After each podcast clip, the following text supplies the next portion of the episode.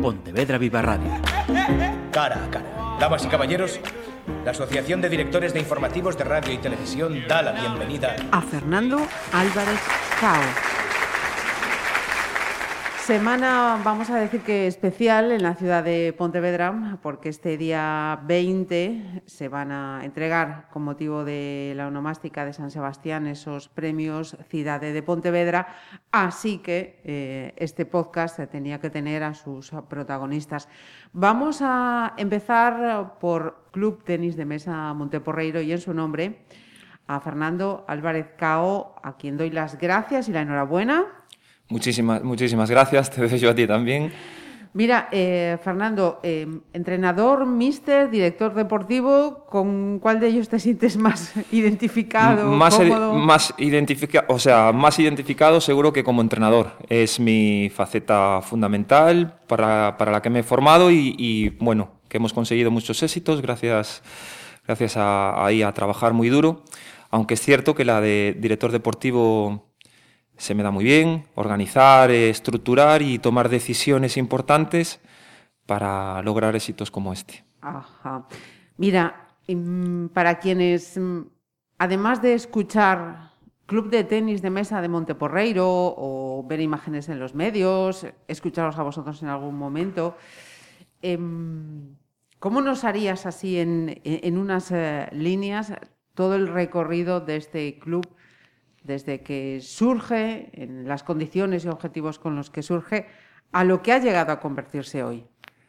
La verdad que es una historia, bueno, con, todas estas cosas que nos, están sucediendo, es, una historia, echando la vista atrás, muy, muy bonita, muy, muy especial, porque el club surgió eh, como una labor social. Eh, mi padre, el presidente, bueno, surgió ya como presidente y, hemos ido de la mano todos estos años, desde el 1998.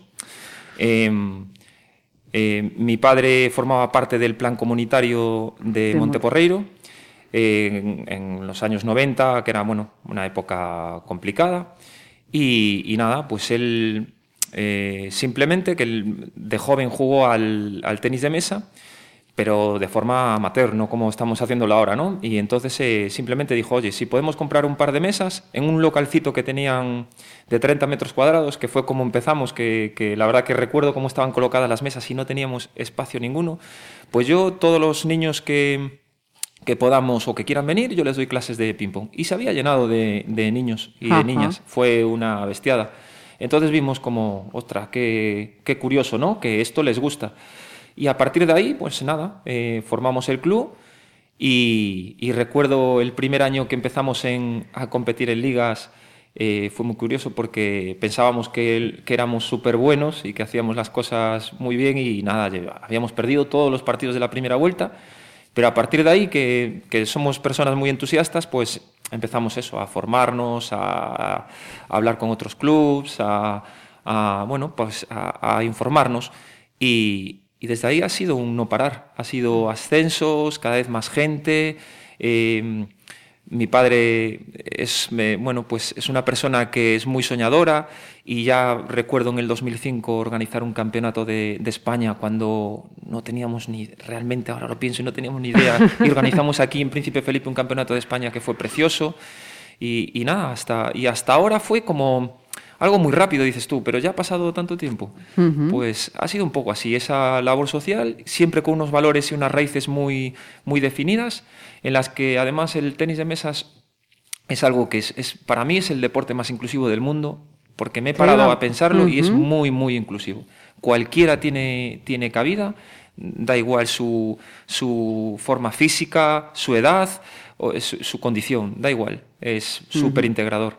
Mira, pues eh, me has respondido también a otra cuestión que era eh, las eh, capacidades, aptitudes que, requiere esta disciplina deportiva y me acabas de decir que es total y absolutamente inclusiva, no tiene distingos de ningún tipo. Sí, es, es lo bonito. este, este fin de semana, este domingo, en las ligas gallegas lo bonito que tiene todo esto, que es, veías a una persona de cincuenta y pico años jugando contra uno de nuestros niños Claro, nuestra formación de la cantera es muy importante, ¿no? Es la mejor de Galicia y es, una de las mejores de España.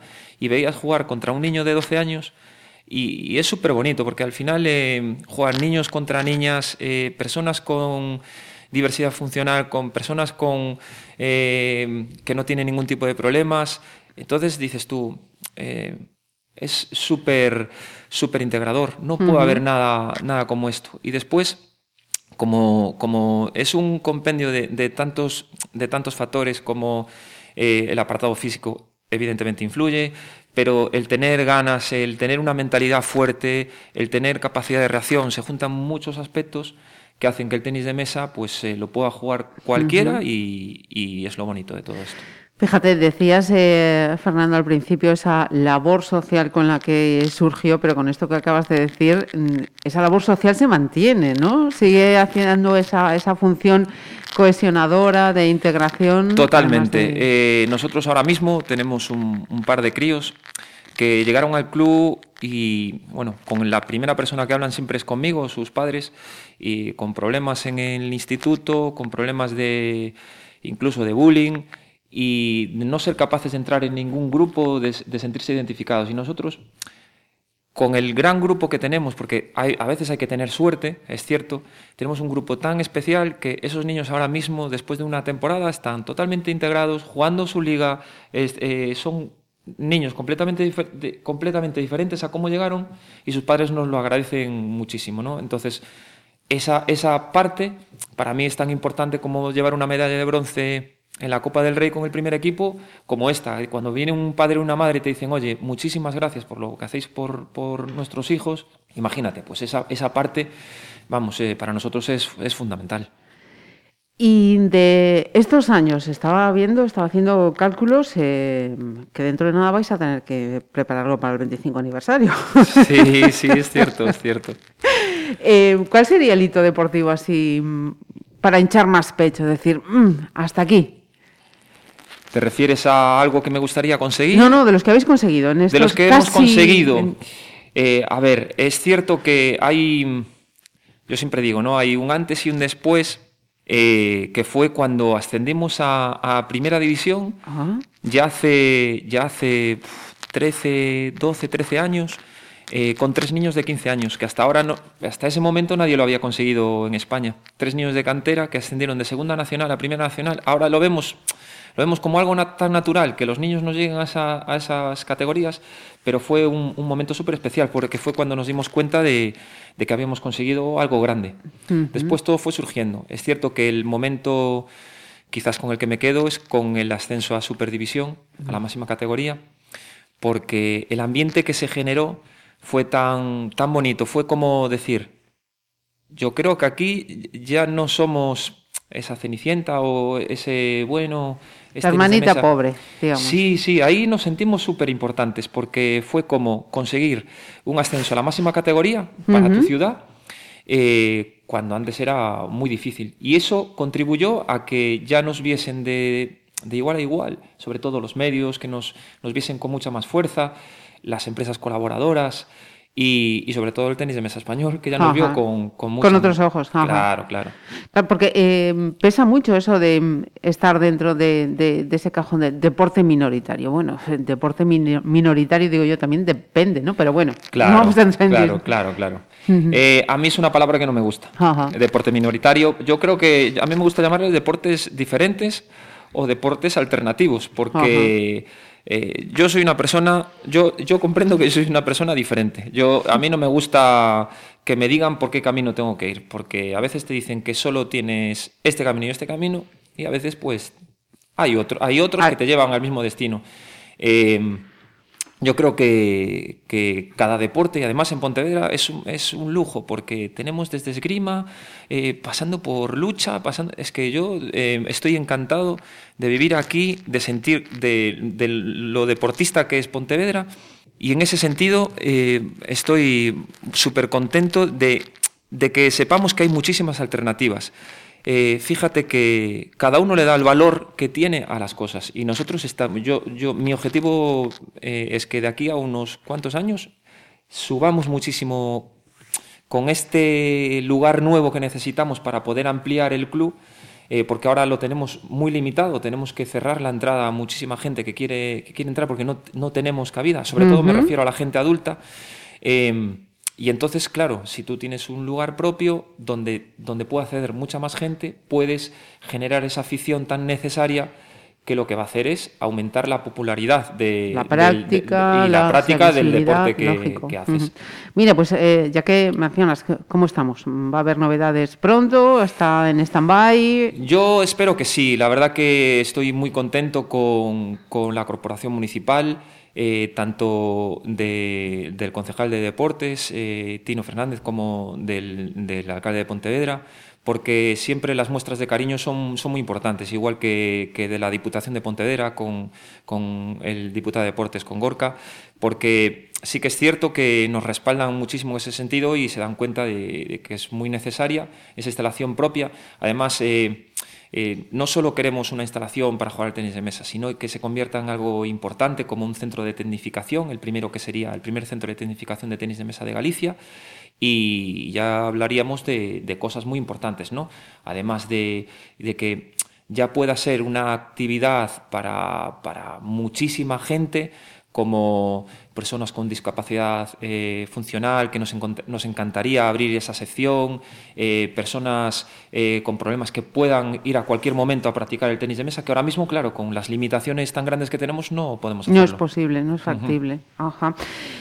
mira, y hablando de, mm, de los premios Ciudad de, Pontevedra, una de las mm, máximas de, de estos premios es reconocer esa visibilidad que los premiados dais a la, a la ciudad. ¿Qué palabras, eh, conocimiento, cuando salís fuera de, Pontevedra? Ahí, ahí vienen los de Pontevedra. Hombre, Pontevedra, ¿qué, qué recibís? ¿Qué os eh, dicen? La verdad que, nosotros ya llevamos, nos hemos dado cuenta que llevamos muchos años eh, llevando el nombre de Pontevedra por toda España.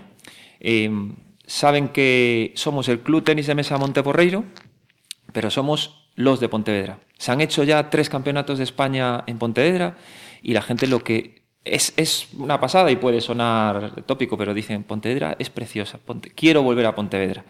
Entonces, que te vean como esa referencia, que te vean que representas algo tan, tan lindo, que hayas podido organizar nosotros dos campeonatos de España, el Concello organizar otro campeonato de España que fue un total éxito y que la gente te vea con tanto cariño, que cada vez que estoy deseando ir a Pontevedra para visitarla, para comer bien eh, y para jugar un gran tenis de mesa. Entonces, eh, la verdad que, te sientes muy bien. Nosotros, por lo que decías, nosotros este año, además estrenamos en la camiseta, dijimos, tenemos que hacer una referencia especial y, bueno, la bandera de Pontevedra ahí en esa parte trasera, encima del nombre. Cuando llegamos a República Checa y fue súper especial porque, imagínate, la primera vez que, que yo salía representando el equipo al extranjero, y, nos preguntaban ¿no? dónde quedaba Pontevedra y explicarle con orgullo que es una ciudad que lleva tantos premios, una ciudad peatonal, eh, que tenían que visitar eh, y interesarse por ella, la verdad que te sientes francamente bien. Ajá. Y otra cuestión también en relación a los premios, el hecho de que hayan sido unos fisioterapeutas los que digan, estos chicos merecen eh, estar ahí. Es que ¿Qué te puedo decir? Es, es, muy, es que todo lo que nos está sucediendo es, es muy especial, siempre tiene algo de especial, porque igual que, lo, que, que nos, nos haya nombrado eh, el, el, premio HQR al mejor equipo de la ciudad por encima de todos los deportes, dices, Dios, me, me siento, me siento muy, muy bien, que la gente te pare, la gente conocida te pare y te diga, oye, enhorabuena, está fenomenal que un equipo de fisioterapeutas que sé que nos tiene mucho cariño porque trabaja con nuestros deportistas, que sabe toda, que sabe toda nuestra trayectoria, que sabe todo lo que tenemos que entrenar, todo lo que los valores que representamos, que te proponga, dices, eh, algo tengo que estar haciendo bien para que la, gente nos aprecie de esta forma, ¿no? Y, y, la verdad que fue, fue muy bonito, fue una sorpresa, muy bonito y y se lo agradezco en el alma, evidentemente. Y la moral de los chicos y chicas, y no tan chicos y, chicas también estos días, vamos. Es súper importante, sí, porque ellos muchas veces, estos, eh, bueno, algunos años, dicen, eh, te preguntan en el cole, no, hago tenis de mesa, pero tú haces ping-pong, pero en eso pero eso no tienes que moverte. Y ellos se enfadan. Y le digo, no, no os enfadéis. Simplemente explicarlo. No, no es el, lo que se juega en casa, que hay, muchísimas hay muchísimas familias que tienen una mesa en casa y que juegan al ping-pong. Y, a mí me encanta que jueguen al ping-pong. Pero nosotros hacemos tenis de mesa. ¿no? Lo nuestro es, es muy complicado. eh, Se considera uno de los tres deportes más difíciles del mundo porque, porque es muy difícil. Hay un símil que se dice que, eh, que el tenis de mesa es como hacer los 100 metros lisos y jugar al ajedrez a la vez. Entonces a mí me gusta, me gusta eso porque la gente no es consciente de, lo- de la dificultad y cuando los niños eh, ahora me decían, Nando, pero somos el mejor equipo de la ciudad, pero contando el fútbol. Yo, sí, sí, somos el mejor equipo, tenéis que sentiros orgullosos. Y después que profesores y que gente que les diga, oye, enhorabuena, o ahora con el Premio Ciudad de Pontevedra, que les, les hemos explicado y sus familias les, les han explicado lo que significa, eh, vienen y dicen, somos los mejores. Y yo, somos los mejores. Sentirlo así porque trabajamos muchísimo, tenemos que entrenar todos los días para conseguir cosas como estas. Y tenéis que sentiros bien y la verdad que el brillo en los ojos se siente. Me imagino que nosotros también lo trasladamos porque nuestros brillo, nuestro brillo en los ojos también, también seguro que se refleja.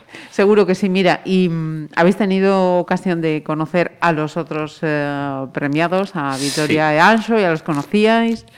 Eh, mira, a mí me, me coincidía que habían. eh, eh, Victoria había sido profesora de, de un par de, de amigos, de compañeras del trabajo, pero no tenía la, la- no tuve la ocasión de, conocerlos conocer. personalmente. El otro día eh, los conocí, no, estuvimos charlando y la verdad que me alegro muchísimo por, por ese impulso del gallego, por esa, por, por esa defensa de, de lo nuestro y, y la verdad que fue un placer conocerlos.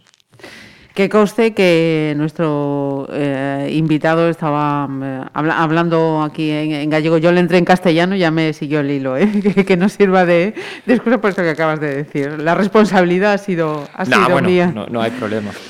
Eh, mira, ya has eh, ordenado las palabras que va a tocar eh, decir el día 20 ante el público. Pues, pues la verdad que a mí me gusta muchísimo que me surjan las, que me surjan las ideas. Puedo tener en, en la mente cuatro puntitos que quiero tocar, pero me gusta que fluya. Me parece que tengo que entregar un, un discurso para, para que me lo, para que lo valoren un poquito, pero sí que tengo, tengo claro, me, me gustaría sobre todo agradecer a, esa, a ese centro de fisioterapia Aquiles que, jo, que, que nos haya visto de esa forma eh, y que el jurado no haya tenido dudas de que, no, que lo merecíamos. Me encantó las palabras de Carmen Fauces eh, eh, y, y me encanta que, que la gente, que compañeros de trabajo, que amigos, que me digan, sois la leche, eh, os lo merecéis y jo, cuando te sientes así querido, la verdad que está, que, que está muy bien. Y después, bueno, ahí entre hoy y mañana tengo que, completar. tengo que completar a ver qué es lo que quiero trasladar, pero la sensación es de mucho orgullo. Ajá, sin duda alguna, eh, motivos, eh, sobran los motivos, ¿no? Como decía Sí. el cantante. Pues Fernando Álvarez Cao, reiterar nuestras eh, felicitaciones y trasladárselas también a, a Lucho. Muchas gracias. eh, la verdad que, él es, es, bueno, una parte fundamental del club. Yo me siento muy orgulloso de él. eh, será agradecimiento a él el, el próximo jueves, principalmente por haber tenido locuras durante todos estos años, que yo ahora cada vez comprendo más. Y nada, agradeceros este trato, este, el, que nos hagáis sentir tan valorados y, y nada, y encantados de representar a Pontevedra y a todos los pontevedreses y pontevedresas. A disfrutarlo.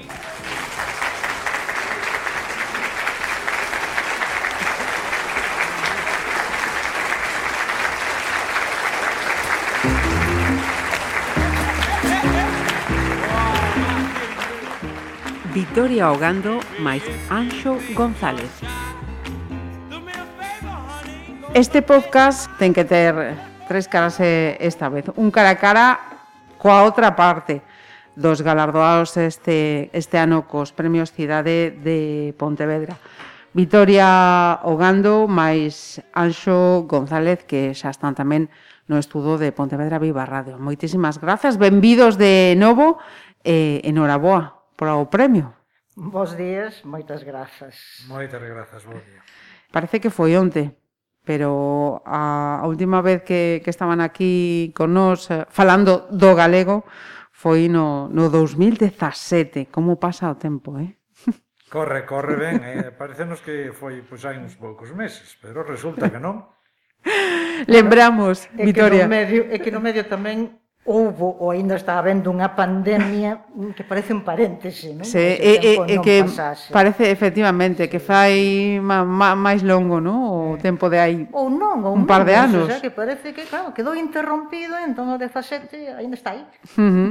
Cer certamente. Lembramos, decía, que eh, Vitoria e Anso eh, son licenciados da primeira promoción de Filoloxía galego-portuguesa da, da Universidade de Santiago. Profesores, escritores e creadores da web ogalego.eu. Eh, falemos eh, dos responsables eh, deste, deste premio no senso que, que fueron os que presentaron a proposta. A librarías, asociacións culturais, traballadores de normalización da lingua galega, institutos, asociación eh, vecinal, supoño que é mm, máis gratificante aínda pensar que todas estas uh, colectivos, eh, entidades, institucións eh, xuntáronse para recoñecer, recoñecer perdón, a, o voso traballo. Sí, evidentemente é gratificante. Eu non tiña aínda a constancia de exactamente todas as eh, institucións non? ou colectivos que nos propuxeran. E, bueno, e tamén gratifica moito o feito de mm, saber que por aí tamén hai exalumnos. Algo debemos facer ben nos nosos anos de ensinantes. Porque entre os dous, vayamos por onde vayamos en Pontevedra, ou un ou outro ten un alumno, unha alumna, que ademais sempre son, como di Victoria, gratificantes, porque se portan moi amablemente con nós e son moi agradecidos. Uh -huh. Eu penso, a, a máis, eh, tamén xa que estáis a, a, a decir iso, que neste momento en el que estamos a vivir, ¿no? do que falábamos antes de, de abrir o, o micrófono, tamén o feito de que eh, sean recoñecidos eh, dúas persoas ¿no? adicadas ao ensino, tamén eh, é outro elemento máis a ter, a ter en conta. Pois sí, efectivamente, eh, entendémolo como un recoñecemento do labor dos ensinantes. Eh, así o diremos tamén no, no, nas palabras de agradecemento do día 20, eh, do día uh -huh. 20 non? Eh, De todos os xeitos, estes premios Cidade de Pontevedra, botando a vista atrás, levan xa recoñecido, non? hai un bon elenco de ensinantes con el, o cal é maravilloso. Ajá. Mira, eh, Vou alterar a, a orde das, das preguntas. Que, que sabedes eh, do, da outra parte gañadora? pois admíranos o seu traballo porque aí en Monteporreiro levan pasado moitísimos rapaces e rapazas, moita xente nese club de nese club de deporte e que lles dá saída, que pasan o tempo, que fan relacións sociais, para nós é moito de admirar os outros premiados. Uh -huh. Eh, dos que quedaron nas nominacións tamén creo que hai, hai relación, non? Sí, tamén hai relación, eu pues, sobre todo con Nené, non? con Leonor Prieto, que foi durante moitos anos compañeira de instituto. Estamos outra vez no mesmo, os ensinantes, non? As dúas eh, compañeiras nominadas son tamén eh, ensinantes. Bueno, eh, creo que calquera delas, eso a Nené coñezo personalmente, teño un trato con ela e tal, e calquera delas o merecería bueno, tanto ou máis, eu creo que máis eh, que nós. A de, de Carmen Quinteiro, eu sigo moito nas redes a súa presenza, pareceme unha persoa moi innovadora que traballa moi ben cos rapaces, é dicir que os rapaciños con ela aprenden e divírtense, pasan ben. Uh -huh. E aínda por riba, pois está tamén nominada para diferentes premios, pareceme unha persoa que, que tamén ten que ser exemplo para a sociedade. Uh -huh. Falemos do, do galego. Mm, a cuestión que, que motivou eh, aquel último faladoiro aquí en Pontevedra Viva Radio de 2017 a, a hoxe. Podemos decir que estamos eh, dando ou hai pasos adiante no, no uso, na visibilidade do galego? eu traería aquí, citaría o mm, poema Penélope, un dos eh, sonetos máis eh, fermosos eh, de lingua galega, en que eh, sobre a figura de Penélope mm, compara con Galicia ou simboliza a Galicia un paso adiante un paso atrás. Eu creo que con respecto ao galego é o que pasa, o sea, hai pasos adiantes, por suposto que sí, eh, pero tamén ás veces hai pasos atrás. Eu creo que eh, o panorama político que temos nos últimos anos eh, creo que influiu negativamente na consideración do galego. Es, volven sair voces máis críticas que hai uns uh -huh. anos non había. Uh -huh. Podemos, Anxo, perdón. Sí, sí, eh, certamente, un paso adiante e outro atrás. Claro, estamos vendo, por exemplo, a literatura infantil e juvenil que se fai en galego é maravillosa, óptima, de feito tradúcese outras linguas. Agora, deamos un paseo pola maioría das librerías galegas e vexamos os seus escaparates, non está presente. Uh -huh. É dicir, por que o que se fai non está presente, non ten a visibilidade que si ten as cousas que se fan en castelán.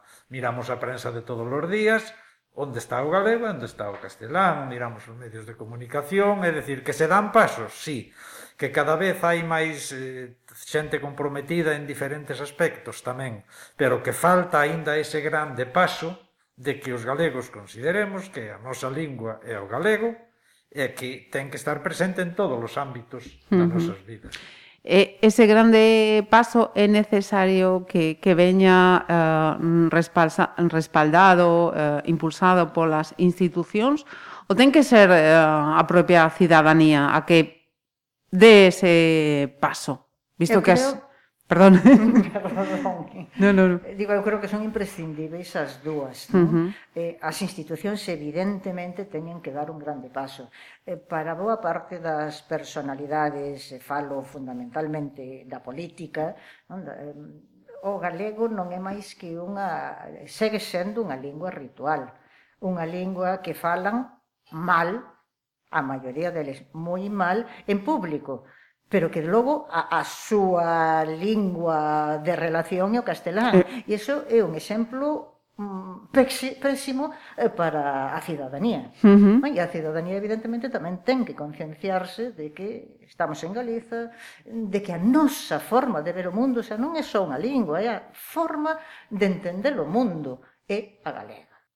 É a miña eh, impresión, pero hai eh, ámbitos da, da cultura nos que Eu eh, penso que sí eh, están a dar un grande paso, no? No, no senso de que musicalmente, por, por exemplo, a moitísimos eh, grupos non só vencellados a, a música folclórica que podía ser a que, a que venía eh, mantendo o uso do, do galego, están agora facendo música en galego con toda a naturalidade e con moito éxito. Certamente, estes días está de moda Tanxugueiras, porque vai participar nese festival, pero hai os, a súa vez un montón, un montón de xente nova, sobre todo xente nova, rapaces e rapazas novas que están facendo música moderna, música de hoxe, música con mesturas, música electrónica en galego.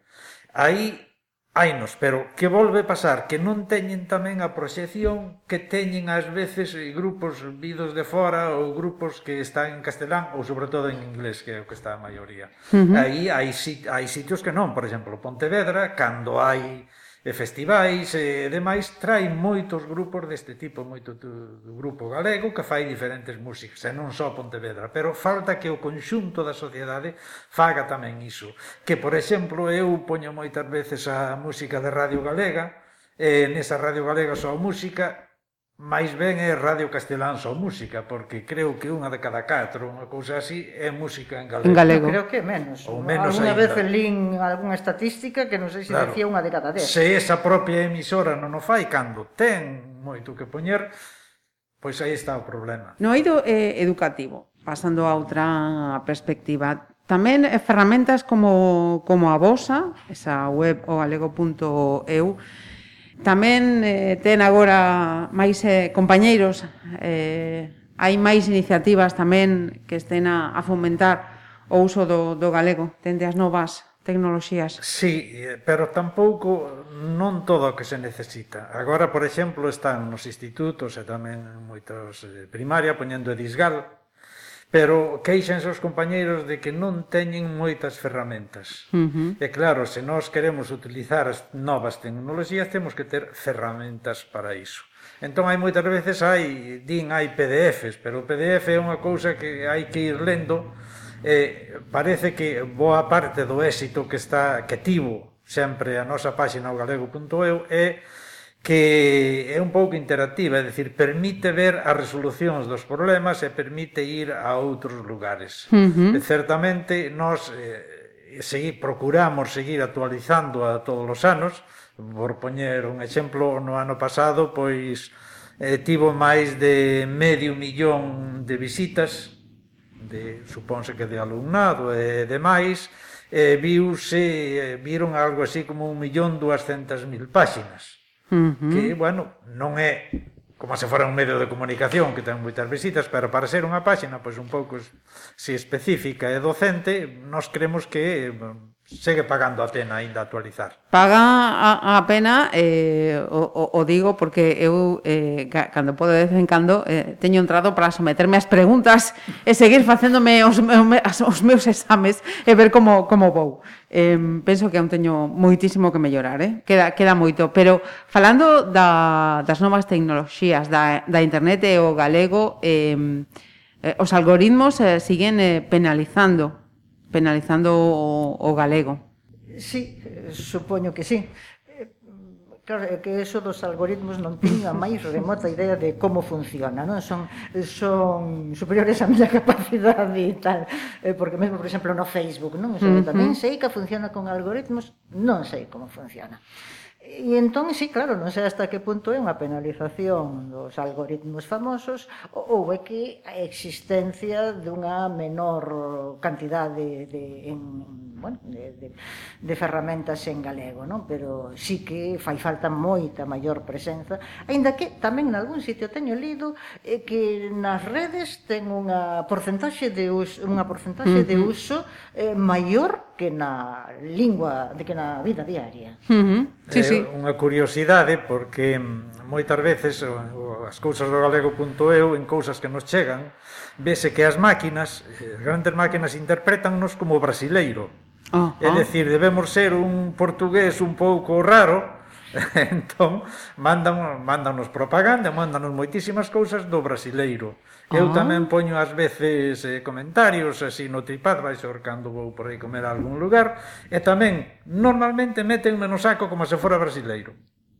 Así que o mm. galego tamén pode aproveitar ese similitude co portugués para facer máis presenza nas redes repasando esa, esa lista de, de entidades, ¿no? Uh, Eduardo Pondal, Polo Correo, Domento, Maiolongo, eh, traballadores de normalización da, da lingua, os eh, institutos, aso asociacións culturais, onde tedes eh, a ma maior demanda de, de todos eses nichos dos, dos que estaba a falar?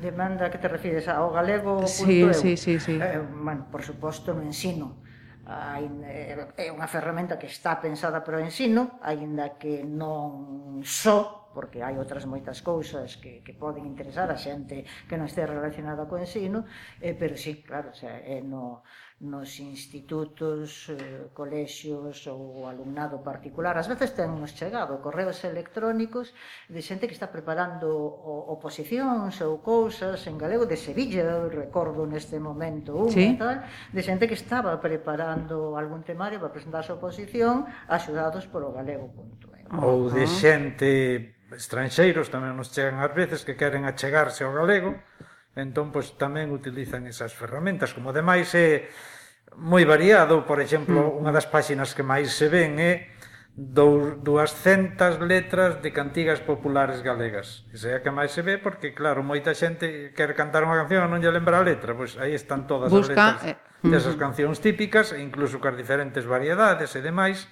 Eso, pois, vai achegando a moita xente cara á páxina. Ajá. E, e como están a ser estes días? De onde veñen as felicitacións, as chamadas? Bueno, pois un pouco de todas partes, non? Estes días, eh, dixen eu xa varias veces que eh, parece que estamos nunha nube, non? Sobre todo o primeiro día, o xoves pasado, parecía que isto non era a vida real, non? Eh, e iso, o sea, a parte do premio, pois é o, o orgullo de todas as felicitacións eh, sentidas eh, que estamos tendo, non? Entre outras, sempre volvendo mesmo, pois moitos exalumnos que se alegran de que eh, teñamos o recoñecimento. Uh -huh. eh, xa están pensadas as, as palabras para máis ou menos máis ou menos andamos aí entre os dous porque imos como ten que ser ler mitad e metade e metade, uh -huh. un e outro, pero si, sí, xa andamos aí, hai que dar as grazas a quen, hai que compartir con pois cos profesores e demais, lembrar a algún pontevedrés famoso. Uh -huh. Bueno, a ver, a ver. E reivindicar, reivindicar aínda, ¿no? Esa presenza. É reivindicar sempre. Ajá, porque eh, non tiña a, a data agora mesmo dende Dende que data está a web aberta? A web empezou en 2005. 2005. Empezou como chamándose Galego Exercicios porque aínda non estaba popularizado dos dominios. Uh -huh. Entón non tiñamos dominio, chamábase, había que buscar por exercicios. Logo eh, empezaron a existir os dominios.es e cando saiu o dominio.eu, uh -huh. entón dixemos, ah, buscamos algo que estuvera libre e apareceu o galego Uh -huh. Logo, máis adiante, tamén saíron os dominios .gal e agora uh -huh. temos os dous dominios. Podes entrar por o galego.eu ou ben o galego.gal, que é o mesmo. Uh -huh. Perfecto. Pois eh, eu teño que recomendar que mm, fagades un, un oquiño no, no, no vosso tempo e se aínda non eh, tedes utilizado esta páxina, por favor, eh, coñecer, coñecer adentrarse no, no galego eh, a, a proposta de Vitoria e eh, Anxo a, aos que teño que agradecer unha vez máis a súa presenza reiterar os, os parabéns eh, que a vindeira ocasión mm, sexa, mira, dous pasiños adiante e, e un para atrás. Ah, esperemos xa, lo menos xa imos avanzando, eh, imos avanzando xa algo. Sería, xa sería un avance, sí, sí. Nós, ademais, estamos encantados de virmos aquí, porque eh, vou confesar un segredo. Eu, cando me ergo a mañá, o primeiro que fago é abrir o ordenador e mirar Pontevedra Viva. Moitísimas grazas. Os dous. Seguiremos atentos. Graciñas. Grazas. Grazas. Pontevedra Viva Radio ¿Me permiten que les haga un comentario como espectadores del programa Cara a Cara? Según un reciente sondeo de mercado, ustedes disponen de estudios e inteligencias superiores a la media. Sus intereses abarcan desde la actualidad mundial y la ciencia hasta el deporte y los espectáculos.